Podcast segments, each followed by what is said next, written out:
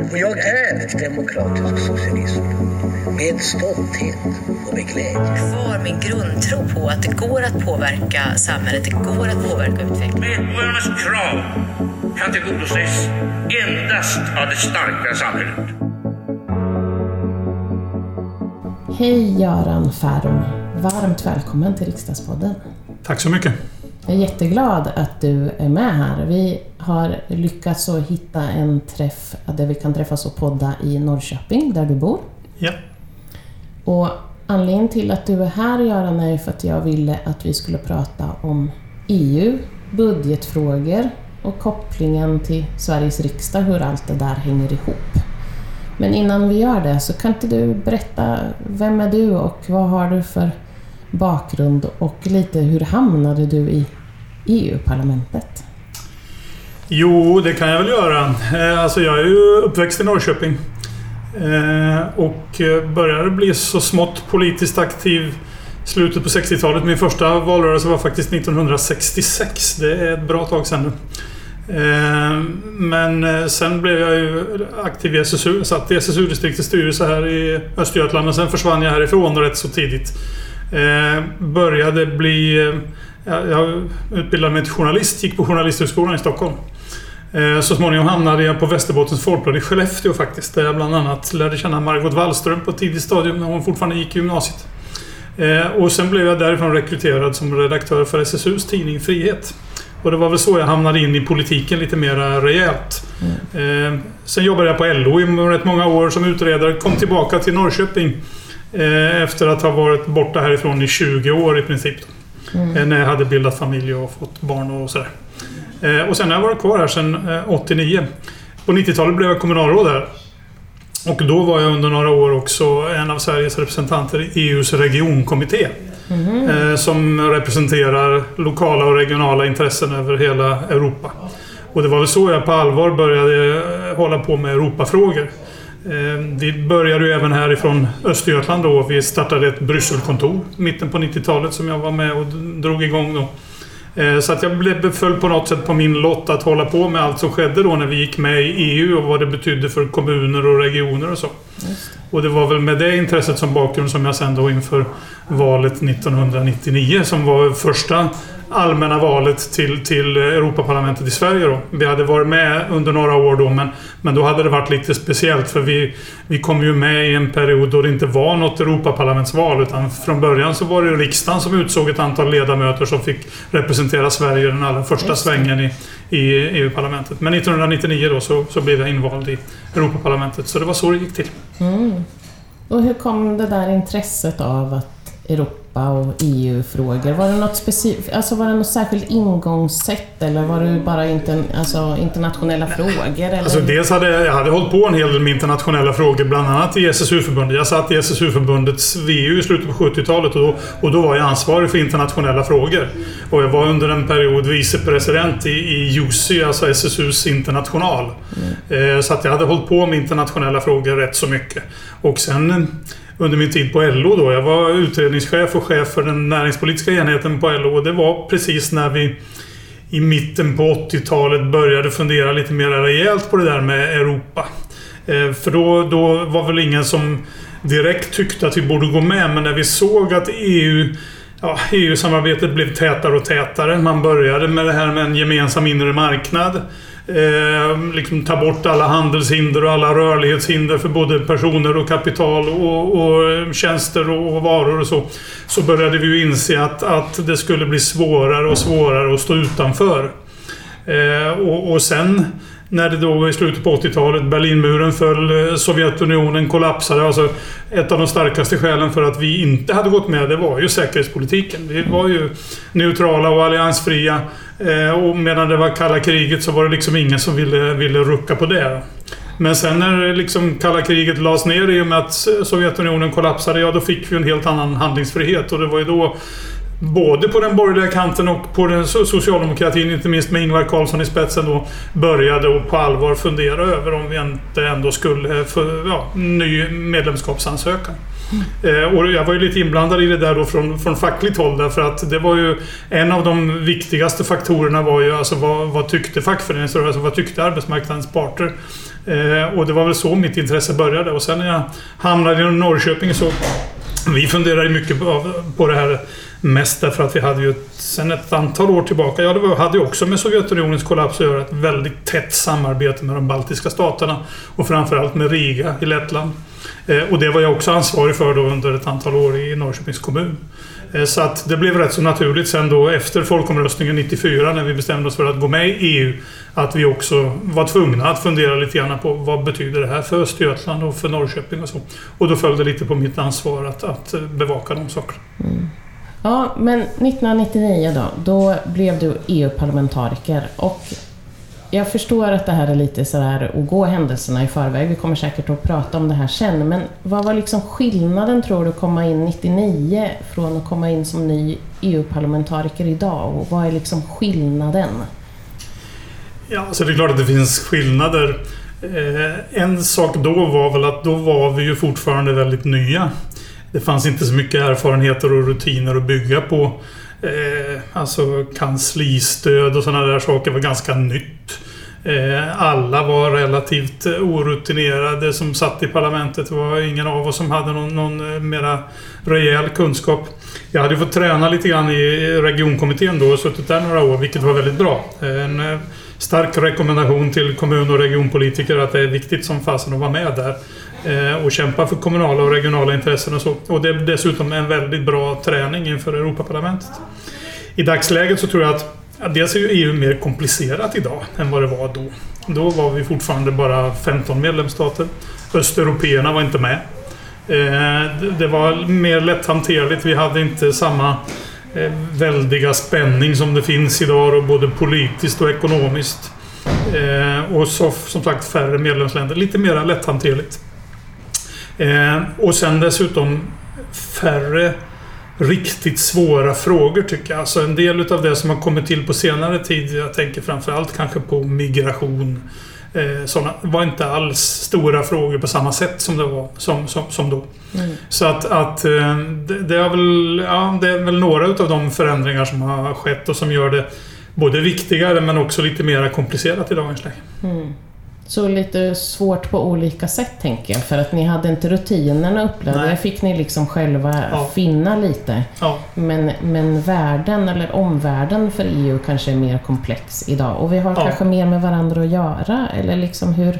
Ja, alltså själva EU har ju betytt, alltså undan för undan så har ju, eh, eh, eftersom då var ju, var ju den där gemensamma inre marknaden, den var ju genomförd. Men den har ju blivit, eh, alltså den har ju utvecklats undan för undan under de här 25 åren sedan dess. Så att, att jag menar globalisering, internationalisering, alltihop det där har ju bara blivit mer och mer. Va? Och blivit intensivare och intensivare. Eh, så att vi, vi eh, det, det, tror jag absolut är en, en, en skillnad. Eh, men som sagt, samtidigt så har det, tror jag att rutinerna har blivit bättre, effektivare, vi har blivit kunnigare, fler har, har lärt sig vad det handlar om och förstår vad det handlar om. Så att det är ja, förändringar på, på gott och ont så att säga. Mm. Hur många länder var var vi i EU 99 ungefär? Och hur då var vi 15. Mm. Eh, alltså när Sverige kom in 95 då, efter folkomröstningen på hösten 94, så kom vi in tillsammans med Österrike och Finland. Eh, och då blev det 15 medlemmar. Och sen under åren som jag var med i Europaparlamentet då, så växte det till 28. Eh, och sen så har vi ju då tappat Storbritannien sen dess. Så att i dagens läge är vi då 27 länder som är med. Och den stora förändringen där, det är ju de här eh, östeuropeiska länderna som, som ju var kommunistdiktaturer i princip allihopa då fram till Sovjetunionens fall i början på 90-talet. Och som ju dessutom var mycket, mycket fattigare rent ekonomiskt än, än och, och med mycket svagare demokratiska traditioner än de flesta utav eh, de andra EU-länderna. I och för sig, alltså på 80-talet hade vi också haft en sån omgång när vi fick in Spanien och Portugal och Grekland som ju var diktaturer fram till eh, 70-talet och, och gick igenom en sån där omvandling. Men de var ju ändå ja, rätt så rejält och snabbt omvandlade så att säga. Så att det, uppgiften blev ju mycket större när de baltiska staterna som inte ens hade någon erfarenhet av att vara, vara självständiga länder utan som ju liksom var, var delstater i ett kommunistiskt Sovjetunionen eller ockuperade av ett kommunistiskt Sovjetunionen.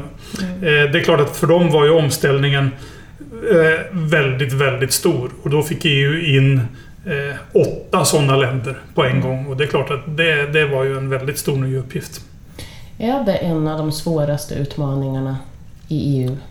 Eller ja. vad är, och vad är liksom de stora, jag tänker sådär i samverkan, för jag tänker att har man hållit på med lite internationellt utbyte så möter man ju en del svårigheter som man inte kanske hade tänkt på som svensk kommunpolitiker eller så, därför att ja, men vi har den demokratiska traditionen eller så. Mm. Men finns det andra utmaningar som är ännu större, eller är det här en av Nej, jag tror att det där är en av de absolut största.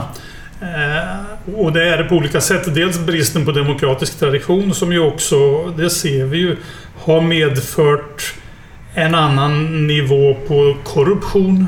Till exempel. Det är väl många som fortfarande är tveksamma till om det var klokt att släppa in Bulgarien och Rumänien på ett så pass tidigt stadium utan att de på allvar hade gjort upp med korruptionen i systemet. Det har vi ju, det har vi ju sett sen att den, den lever kvar i väldigt hög grad. Eh, men också för övrigt bristen på tradition, eh, demokratisk tradition. Men sen har du ju också de stora ekonomiska skillnaderna. Alltså de, de här länderna har inte en, en marknadsekonomi som är utvecklad på samma nivå som de eh, 15 medlemsländerna som var med när jag kom in. Alltså, och det har de fortfarande inte och det skapar ju mängder med utmaningar. Inte minst när vi sen börjar prata EU-budget och så, så, så skapar ju det jättelika utmaningar. Sen har de ju, flera av dem har ju utvecklats oerhört snabbt. Och är ju idag, alltså länder som Polen och Tjeckien är ju idag, och de baltiska staterna, några av dem i varje fall, är ju idag ekonomiskt nästan ifatt. Alltså i alla fall så att vi kan prata om att det liksom är jämförbara storheter. Medan en del andra länder då fortfarande släpar efter väldigt långt. Och det är klart att det är ju också en jättestor utmaning. Mm. Och då kommer vi osökt in på ditt specialområde om budgetfrågor och ekonomi, för det är det som du har ägnat dig åt i EU-parlamentet och har haft mm. väldigt mycket ansvar för mm. också. Mm. Vad tänker du om den tiden och hur blev det? Ja, hur kom du in i detta? Var det ett stort brinnande intresse eller? Nej, det var det ju egentligen inte. Utan det var ju så att när vi, vi, vi satt ju då vi som var invalda 1999, vi var väl sex eller var vi möjligen sju socialdemokrater? Lite svårt att minnas. Men vi satt ju helt enkelt när vi, när vi förstod ungefär hur det skulle gå och resonerade oss emellan då om vem som skulle göra vad. Och vilka utskottsuppdrag vi skulle ta. Och nästan alla de andra, de hade nästintill eh, självklara intresseområden va, som, de, som de ville ha. Och I några fall fanns det ju några som redan satt i parlamentet och, och satt i utskott som de ville fortsätta med. Anneli Hultén som var en, en ledande miljöpolitiker i parlamentet. Pierre Schori som var vår delegationsledare. Det var ganska självklart att han skulle hålla på med utrikespolitik och så vidare. Eh, så, så, att lite grann blev det väl att, ett resonemang om jag som då inte hade något sånt där tydligt specialområde men som ändå hade hållit på med ekonomi och, och sånt, till exempel på LO. Men även eh, naturligtvis med kommunala budgetar och sådär. Så, så var vi väl överens om att budgetutskottet var något som var så pass viktigt att någon av oss borde sitta där. Och då föll det på mig. Mm. Så det var inte så att det var jag som begärde det, men vi kom väl gemensamt fram till att, att det var den klokaste användningen av, av våra resurser, så att säga. Mm. Och det gick ju ganska bra.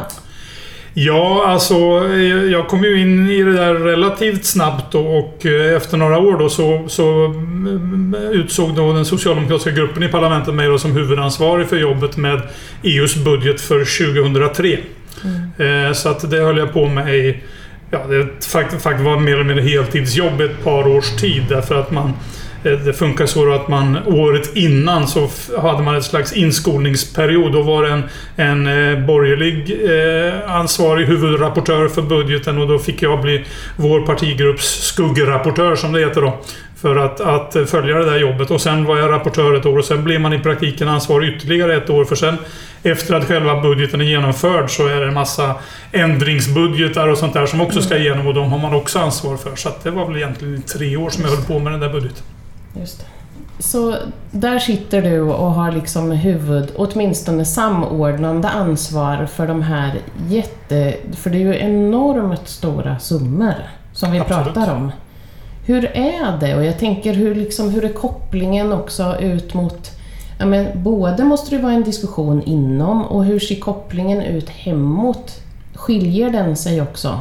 Och då menar jag hemåt till de egna parlamenten och kontakterna med regeringar och sådär. Hur, hur fungerar allt det där? Det är ju oerhört komplext låter det som. Det är ju det. Eh, och, och alltså, dels i Europaparlamentet ska man ju då koordinera de olika sakutskotten för att de är ju intresserade av sina budgetbitar så att säga. Alltså där finns ett jordbruksutskott som är intresserad av jordbruksbudgeten och där finns ett regionalpolitiskt utskott som är intresserad av hur det går med strukturfonderna och så vidare. Så att, att det är ju dels att koordinera alla de där synpunkterna och sen ska man ju, ska budgeten förhandlas med, med ministerrådet och det ansvariga ordförandeskapet framförallt då.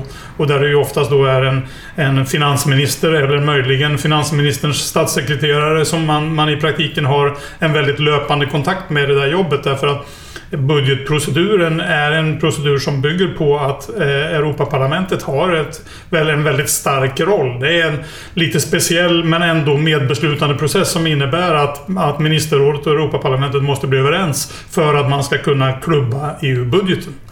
Eh, och, och eh, det gör ju att, att eh, förhandlingen med ministerrådet och med kommissionen som ett slags ja, medlare i sammanhanget kan man väl säga då. Alltså en tredje part i den där förhandlingen. Den är ju oerhört viktig då. Men sen är det klart att man som svensk socialdemokrat också lyssnar av hemåt. Vad, vad, vad tycker partiet? Vad tycker regeringen? Om det nu är, är socialdemokratisk regering. Och det var det ju då. Med, med Göran Persson som statsminister och Bosse Ringholm som, som finansminister under den där, under den där perioden. Och, och, och det är klart att det där är ju en svår avvägning därför att i Europaparlamentet så, så representerar man ju inte i första hand sitt land eller sitt parti utan det är ett... Man, man representerar en europeisk partigrupp. Du sitter i en partigrupp tillsammans med socialdemokrater från alla de andra EU-länderna. Och, och, och det är det, det, det som är så att säga parlamentets roll. Och det tycker jag väl fortfarande att man på hemmaplan har ofta väldigt svårt att förstå. Utan de tycker att sitter det svenska sossar i Europaparlamentet, ja då är det liksom svensk socialdemokratisk politik som gäller. Men riktigt så enkelt är det inte därför att ja, då, då, då, får man aldrig, då, då funkar det inte. Då får man aldrig ihop en socialdemokratisk linje i Europaparlamentet. Utan någonstans måste man nog svälja på hemmaplan att man ibland i Europaparlamentet hamnar i lite andra positioner än på hemmaplan. Mm. Och då blir också storleken på den här partigruppen ibland också mer... Spelar inte det också mer roll nästan än landets storlek också ibland? Eller hur är... Jo, alltså det, det, det är det som är poängen tycker jag med, med Europaparlamentet. Eh, att, att där ska man inte i första hand företräda ett nationellt perspektiv utan där ska man företräda ett europeiskt partipolitiskt perspektiv. Mm. För sen har vi de nationella perspektiven i ministerrådet. Va? Där sitter ju den svenska regeringen tillsammans med de andra regeringarna och, och liksom förhandlar ihop en gemensam position mellan regeringarna. Där företräder man sitt nationella perspektiv. Och där, där sitter ju då, i de här fallen då finansministern och eh, han eller hon koordinerar hemåt med riksdagen och riksdagens EU-nämnd eller finansutskottet eller så. Eh, och, och får sina mandat så att säga för förhandlingen. Där, där har man den tydliga nationella kopplingen. Den, den ser ju annorlunda då ut i Europaparlamentet och den där logiken är ofta lite svår att förstå. Och dessutom utnyttjas den ju ibland. Alltså, eh, jag hade ju en våldsam fight med, med eh, Fredrik Reinfeldt och Anders Borg i ett senare läge när, när jag hade en annan position i parlamentet men vi skulle förhandla långtidsbudgeten som skulle börja gälla 2014. Och där vi då inte ställde upp på den svenska regeringens eh, position i den där förhandlingen i Europaparlamentet. Och jag var då eh, vicepresident i den socialdemokratiska gruppen med ansvar för budgetfrågor och hamnade i direkt konflikt med den svenska regeringen. Och det är klart att det var ju ganska tufft och det använde de ju ganska mycket mot, mot eh, socialdemokratin så att säga. Så här, Titta här, socialdemokratin är liksom inte pålitlig i budgetfrågor och, och så, EU-frågor och utnyttjade lite grann EU-skeptiska eh, e tendenser i, i debatten eh, på ett sätt som jag tyckte var ganska oschysst och som dessutom var tror jag, ja, svårt att, att liksom analysera för den svenska allmänheten vad det där egentligen berodde på. Mm. Ja men det där är väl, det ser vi ju idag också, Absolut. tänker jag. Att Absolut. man använder eh, svårförståeligheten att slå varandra i huvudet med, eller använda det i den politiska debatten. Ja. Vilket ju blir jättesvårt. Ja. Om man inte är väldigt insatt att, att liksom knacka hål på. Så. Mm. Ja. Men hur, hur skiljer sig, för jag tänker att i den här stora eh, gruppen eh, som består i alla fall ur socialdemokratist ja, men hänseende så är det den socialdemokratiska gruppen. Ja. Eh, som ju är väldigt stor. Ja. Eh, Och har medlemmar från samtliga medlemsländer. Den enda gruppen tror jag som har medlemmar från alla ah, medlemsländer. Det är ju intressant. Ja. Ja. det är intressant. Hur mycket skiljer sig där och tänker så här, känns det som att vi förstår varandra? För, för, för det är ju en så här, det är, i andra grupper är det också så att det är väldigt många olika partier Mm. som också, hur, hur får man ihop det där? Och, Ja, alltså det är ju inte helt enkelt. Särskilt inte i budgetfrågor ska jag säga. Nu tror jag väl, om man tittar på ett bredare perspektiv och ser liksom till politiken som helhet, så tror jag att vi som socialdemokrater ändå håller ihop bättre än de flesta andra partigrupperna. Därför att vi har en historia av internationellt samarbete sedan 1800-talet. Va? I, i eh, Socialistinternational och på senare år eh, det europeiska S-partiet och så. Va? Vi har liksom eh, har jobbat ihop oss under årtiondenas lopp så att vi har en hyfsat gemensam inställning till en massa framförallt principiella frågor. Så vi förstod nog varandra relativt väl och det tror jag att man har sett också för det finns ju de som gör liksom statistik av det där och kollar av liksom hur, hur väl håller partigrupperna ihop i, i Europaparlamentet. Eh, och, och, och då kan man se att den socialdemokratiska gruppen håller ihop bättre än de andra grupperna.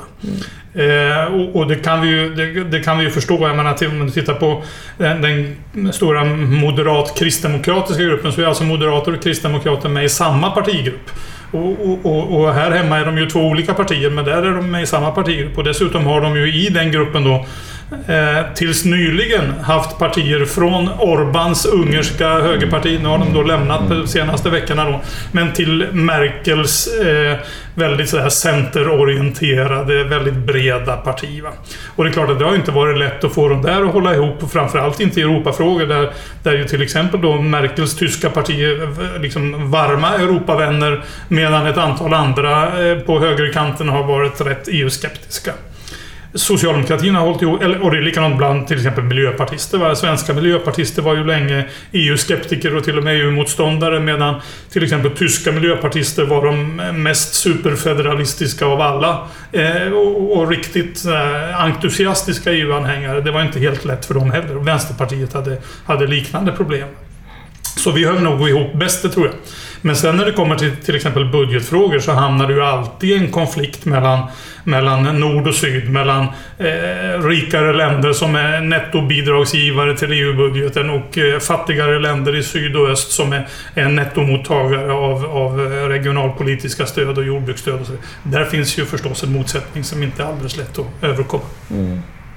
Finns det tillfällen då man känner att man känner mer samhörighet över partigränserna beroende på var man kommer ifrån mer än parti till, alltså partigruppstillhörighet? Och hur förhåller man sig till det i så fall? Jo, alltså det finns ju en del frågor som där jag känner att det har funnits en slags eh, nationell svensk linje på något sätt. Så bland det första jag sysslade med i Europaparlamentet, utöver budgetfrågorna, för man håller ju alltid på med några andra frågor, men var jag som gammal journalist fick i uppdraget att att jobba rätt så mycket i början med ett, ett policydokument om hur vi såg på det här med offentlighet och sekretess och, och en offentlighetsprincip i EU och så. Och det var väl en sån där fråga som egentligen förenade alla svenskar. Alltså att vi drev på för att, att få till en mera rejäl offentlighetsprincip i EU. Det tror jag inte det var några större skillnader mellan moderater och vänsterpartister och alla däremellan. Utan det drev vi på ganska intensivt för var och en i sin grupp. Eh, vi hade väl också hyfsat gemensam syn på jordbruks och fiskepolitik. Eh, med vissa skiljelinjer. Centerpartiet med sitt, eh, ja, sin förankring i bonderörelser och sådär hade väl lite annan syn. Men att vi ändå ville förändra de där bidragssystemen till att bli någonting mer offensivt än, än bara subventioner till, till eh, produktion. Eh, det var vi hyfsat överens om, även om vi sen hade lite olika sätt att gå fram. Och så. Det finns en del sådana där saker som, som förenar, tror jag, mera nationellt. Demokratifrågor, åtminstone till Sverigedemokraterna kom in i, i EU-parlamentet, förenade väl också alltså kritiken mot brister när det gällde korruption och demokrati och så i en del av medlemsländerna tror jag också förenade oss rätt så mycket. Även också det, i det här fallet fram till Sverigedemokraterna, kanske någon mån Kristdemokraterna, jämställdhetsfrågor var också... Jag får säga att Moderaterna ofta var väldigt bra. Drev på ganska rejält för jämställdhet i sin grupp mot mer konservativa eh, kristdemokrater och så. Så det fanns ett antal sådana där frågor som förenade oss på lite bredare front nationellt än, än, än eh, inte bara partipolitiskt. Mm, mm. Vad är det som... Jag tänker, då kan man också göra lite gemensam sak, fast i ja. olika partigrupper så. Men vad är det som Finns det någonting som du tänker är särskiljande för att man ska lyckas och bli... och då tänker jag så här, för att få igenom en fråga, låt säga att du... Jag tänker jämställdhetsfrågan, alltså finns det någonting som, som du har märkt att i EU-parlamentet är det bra att? Någon kompetens eller ett framgångsrikt sätt? Ja, så dels tror jag att man måste, man måste vara öppen för att vara och förstå lite andra kulturer. Eh, alltså, eh, när, när vi när vi argumenterade som mest om huruvida Sverige skulle vara medlemmar eller inte i mitten på 90-talet inför folkomröstningar och sådär. Men även senare om hur vi såg på, på EU. Det var ju kontroversiellt. I dagens läge är det ju inte så kontroversiellt, inte medlemskapet så särskilt kontroversiellt i Sverige. För idag är det så oerhört stor majoritet som tycker att det är bra att vi är med. Men, men, men under hela 90-talet var det där väldigt kontroversiellt. Och, och bland annat var det ju väldigt många i Sverige som, som sa att, att EU är skadligt för jämställdheten. Eh, det var ju ganska intensiv debatt, inte minst inom socialdemokratin där, där många på den lite mer EU-skeptiska kanten bland socialdemokrater var rädda för att det skulle drabba jämställdheten negativt om vi, om vi gick med i EU. Därför att det är klart att det finns länder i EU som inte har samma jämställdhetstradition och, och så vidare som vi har. Men, men då, jag lyssnade väldigt ofta då på min, min eh, svensk-spanska kollega Barbara Durkop som jag dessutom var bänkgranne med. Och hon, hon argumenterar precis tvärtom. Så, alltså, tänk på hur det ser ut i Spanien och i Italien. Alltså med de brister vi har i jämställdheten så skulle eh, eh, alltså en, en kraftigare EU-roll när det gäller jämställdhet vara ett fantastiskt lyft för oss. Eh, både när det gäller sysselsättningsfrågor och när det gäller eh, attitydfrågor, värderingsfrågor och så. Och, och, och, där menar jag att hon fick rätt. Därför att med väldigt mycket av det som EU gjorde på jämställdhetsområdet, det har bidragit till att förändra ett land som Spanien oerhört på just det området. Eh, och, och, det där menar jag, det måste man ha lite förståelse för. Man kan inte bara se Europafrågorna ur sitt e- eget, eget nationella perspektiv. För där kommer vi kanske inte alltid att kunna flytta fram våra positioner. Men om vi kan bidra till att andra flyttar fram sina positioner så kommer det på sikt också att bli lättare för oss. Och det där synsättet tror jag man måste ha om man ska komma någon vart i Europaparlamentet. Blir man sedd som en som bara sitter där för att försvara sina ganska snävt nationella intressen, ja då kommer man ingen vart. Mm. Man måste också se att det här är, det här är bra för, för sitt eget land och för ja. Sverige. Både direkt men framförallt kanske indirekt. Ja, och det som är bra för de andra, ja. för de fattiga, det är oftast bra för oss. På, på många, alltså jämställdheten är en sån sak. Men, men ta den här som väl har varit en av de absolut hetaste debatterna på senare år. Alltså villkoren på arbetsmarknaden med, med, med eh, hela debatten som vi har haft om utstationeringsdirektiv och, och, och eh, Vaxholms fall och alltihop det där. Va?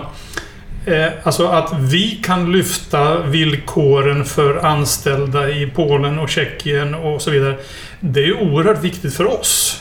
Därför att då blir det mindre intressant för dem att, att eh, röra sig över Europa som svartarbetskraft eller underbetald arbetskraft. Och så. Om de får bättre villkor på hemmaplan, ja då är det mera sannolikt att de faktiskt stannar och jobbar där. Än att de ger sig ut och dumpar arbetsmarknaden i andra länder. Så vi har ett både ett, ett menar jag, principiellt, eh, ideellt intresse av att alla ska få det bättre. Men också ett egenintresse av att skillnaderna minskar. För då minskar också påfrestningarna på, på svensk arbetsmarknad i form av svart arbetskraft och, och eh, låglönedumping och så vidare. Mm. Och, och det perspektivet tror jag också att man måste ha med sig om man ska hamna rätt i, i de här väldigt konkreta frågorna om lagstiftning på arbetsmarknaden. så.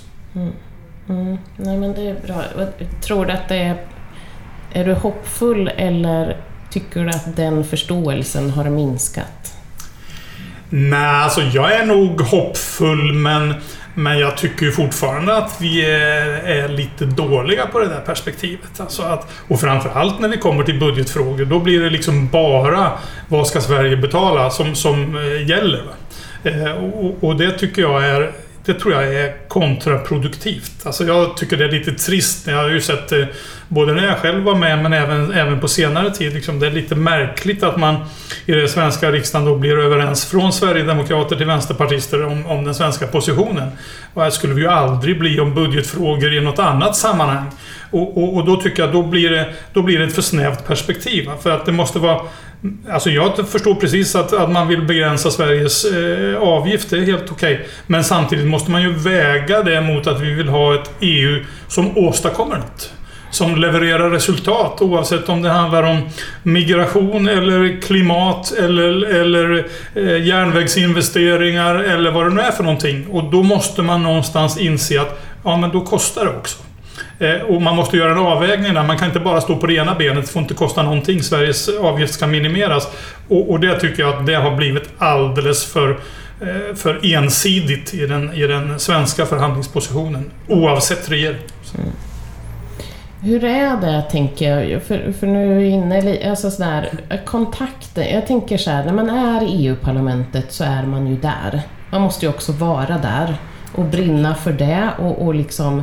Och sen har man den här liksom hemåt. Eh, för även om du, som, precis som du varit inne på, vem är man representant för och sådär, så sitter du på svenskt mandat. Eller Absolut. liksom så här. Hur, hur håller man det levande och är det möjligt? Eller hur, hur tänkte du? Ja, jag tror ju att det till och med är nödvändigt att man håller... Alltså för mig var det så att under alla år som jag satt i Europaparlamentet, med ett undantag av de sista åren, så satt jag också i fullmäktige i Norrköping. Eh, han väl inte alltid hem till, till eh, fullmäktigemötena men, men försökte ändå vara med så mycket det bara gick och inte minst på gruppmöten och så. För att, att följa den, den eh, lokala debatten och, och vad folk i partiet på hemmaplan sa och tyckte om saker och ting. Och det tyckte jag var ganska viktigt. Även om jag som sagt inte var, var den som hade bäst närvaro så, så någonstans var man ändå med. Man fick handlingarna, man var med på gruppmötena man kunde, var med på fullmäktige när man kunde och så. Och jag tyckte det var väldigt viktigt att ha en sån, en sån koppling hemåt. För det är klart att det finns en risk annars, om, framförallt när man blir indragen i, i tunga uppdrag i Europaparlamentet, att man blir så uppsugen av det där att man, man liksom tappar eh, tentaklerna hemåt. Eh, och jag tror att det är bra. Och det var flera som hade antingen sådana uppdrag eller, eller andra uppdrag som gjorde att de ändå eh, var, var med rätt så tajt hemma. Och det tycker jag att man behöver vara. Eh, för man kan ju inte släppa det. Alltså, det är precis som du säger, att man, är trots allt en representant för svensk socialdemokrati när man blir vald. Men sen är det svårare då att när man väl är där i Europaparlamentet så kan man inte bara vara en representant för svensk socialdemokrati. Utan då blir man också en företrädare för europeisk socialdemokrati. Och, och det är en svår balansgång eh, som alla inte har det så lätt med. Utan, men som jag tycker, ska man, ska man klara det bra så måste man kunna stå på bägge ben. Vad skulle du ge för råd till någon som hörde av sig till dig och sa att, som till exempel precis hade blivit invald i Europaparlamentet. Eh, vad, skulle du, vad skulle du ge för särskilt råd till den personen? Jag har haft en del kontakter med några som har kommit in efter mig och, och, och försökt att fungera som lite av mentor och sådär. Och eh, alltså, jag tror ju att man, man Alltså rådet är väl egentligen det där som jag var inne på sist. Alltså att, att försöka hålla... Eh, in, inte tappa kontakterna hemåt, utan verkligen ha fotfästet på hemmaplan. Det tror jag är oerhört viktigt, annars så kommer man att hamna i en, en omöjlig position. Men samtidigt då ambitiöst försöka ge sig in i att förstå att man är medlem av en grupp som, som har sossar från 27 olika länder. Eh, och, och, jag tycker ju att, att det är svårt, men det funkar ju faktiskt. Alltså jag tycker ju ändå under de här nu dryga 25 åren som vi har varit medlemmar i EU så, så har ju EU trots allt fungerat. Jag har lyckats fatta beslut om massor med saker som, som verkligen har satt avtryck i Europa. Eh, och inte minst tycker jag det är, som då, jag sa tidigare, var det svåra med de här länderna i Östeuropa som inte har så mycket demokratiska traditioner. Men de flesta av dem är ju nu ändå med och hyfsat integrerade och, och eh, har demokratiska val och, och så vidare. Och, och, det tycker jag det är en oerhörd framgång jämfört med det Europa som fanns före Berlinmurens fall och, och Sovjetunionens kollaps. Eh, och, och, någonstans måste man ha med sig både det där vardagliga perspektivet, att man faktiskt är företrädare för sossarna på hemmaplan, och det där lite större perspektivet att det här handlar om att utveckla ett Europa som, som eh, kan fungera både när det gäller fred och förståelse som är liksom grundtanken bakom EU, men som också är eh, ja, producerar tjänster på migrationspolitikens område och miljöpolitikens område och eh, den ekonomiska tillväxtens område och så vidare. Jag tror man måste försöka förstå bägge sakerna. Det här är en väldigt hypotetisk fråga. Men hur tror du att Europa och Sverige skulle ha sett ut om vi inte hade EU? EU-parlamentet inte skulle finnas. Vad tror du, hur skulle det sett ut idag? Eh, jag tror ju att allt vore mycket krångligare. Eh, det har ju trots allt, även om en del har, har mm, tycker jag blivit... Eh, ja, vi har fått lite bakslag både efter migrationskrisen 2015 och, och nu coronapandemin. Så, så har det blivit oerhört mycket enklare att, att resa och studera och handla och, och verka i Europa än vad det var tidigare. Ska inte glömma att, att eh, det här också... Eh, ibland så tenderar man att bara lyfta fram det där i samband med högtidstalen, men det här är ju faktiskt den längsta fredsperioden som Europa har upplevt på oerhört många hundra år. Eh, mellan EUs medlemsländer har det nu rått fred ända sedan andra världskriget. Eh, och det är alltså 75 år Eh, och det är den längsta fredsperioden någonsin i, i, alltså i alla fall historisk tid. Och vad det har betytt för både enskilda människor och för eh, ekonomiskt välstånd och därmed möjligheten att bygga välfärd och så vidare. Det kan ju liksom inte Ja, men det, det, det, har helt avgörande betydelse. Jag säger inte att det nödvändigtvis hade blivit krig mellan medlemsländerna om man inte hade haft EU. Men jag är helt övertygad om att vi hade haft mycket mera gnissel och konflikter och svårigheter och, och så vidare. Nu har vi ju fungerande institutioner som gör att vi träffas regelbundet och löser praktiska, både mindre praktiska och större principiella problem och det funkar ju faktiskt. Det är, inte, det är inte gnisselfritt, absolut inte. Och, och det tror jag inte man ska förvänta sig att det någonsin kommer att vara. Eh, för det finns motsättningar mellan medlemsländerna på olika sätt. Men vi har hittat ett sätt att hantera dem. Eh, genom att vi träffas i de här gemensamma institutionerna. Och det skulle vara ohyggligt mycket krångligare om vi inte hade EU. Det skulle säkert finnas olika typer av samarbetsformer, men då skulle de vara just olika. Och de skulle aldrig kunna bli bindande på samma sätt som om vi har EU. Jag menar, EU, man ska inte glömma det. EU är den enda multinationella, internationella organisationen i världen med lagstiftningsmakt. Det finns ingen annanstans. Vi fattar faktiskt beslut här som sen medlemmarna följer och måste följa. Eh, och det har helt avgörande betydelse för att det, det faktiskt ska, ska funka.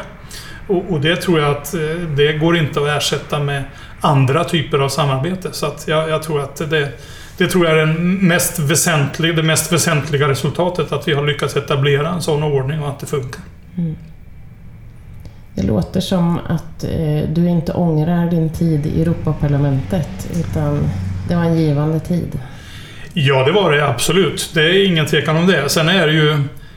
Sen är det ju komplicerat att vara EU-parlamentariker, både politiskt därför att man då slits mellan de här. Jag hade ju fighter inte bara med, med Reinfeldt och Anders Borg utan också med Stefan Löfven och Magdalena Andersson om, om hur vi skulle hantera budgetfrågorna i Europaparlamentet därför att de tyckte då att en del av det som vi stod för det, det svarade inte tillräckligt upp mot nationella svenska intressen och då var man tvungen att ta en fight också med sin egen partiledning därför att jag då hade positionen som företrädare för Socialdemokraterna i Europaparlamentet.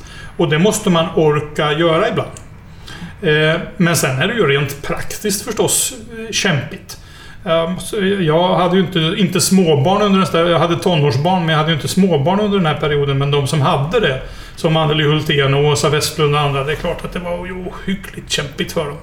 Eh, och det måste man ju inse. Och och det var väl lite grann det som till slut ändå fick mig att tröttna också. Att det är ett eh, det är ett rent, rent eh, fysi, både fysiskt och mentalt jobbigt att behöva liksom veckopendla och utöver veckopendlandet till Bryssel och Strasbourg dessutom vara tvungen att, att resa på en massa andra ställen i Europa och, och världen.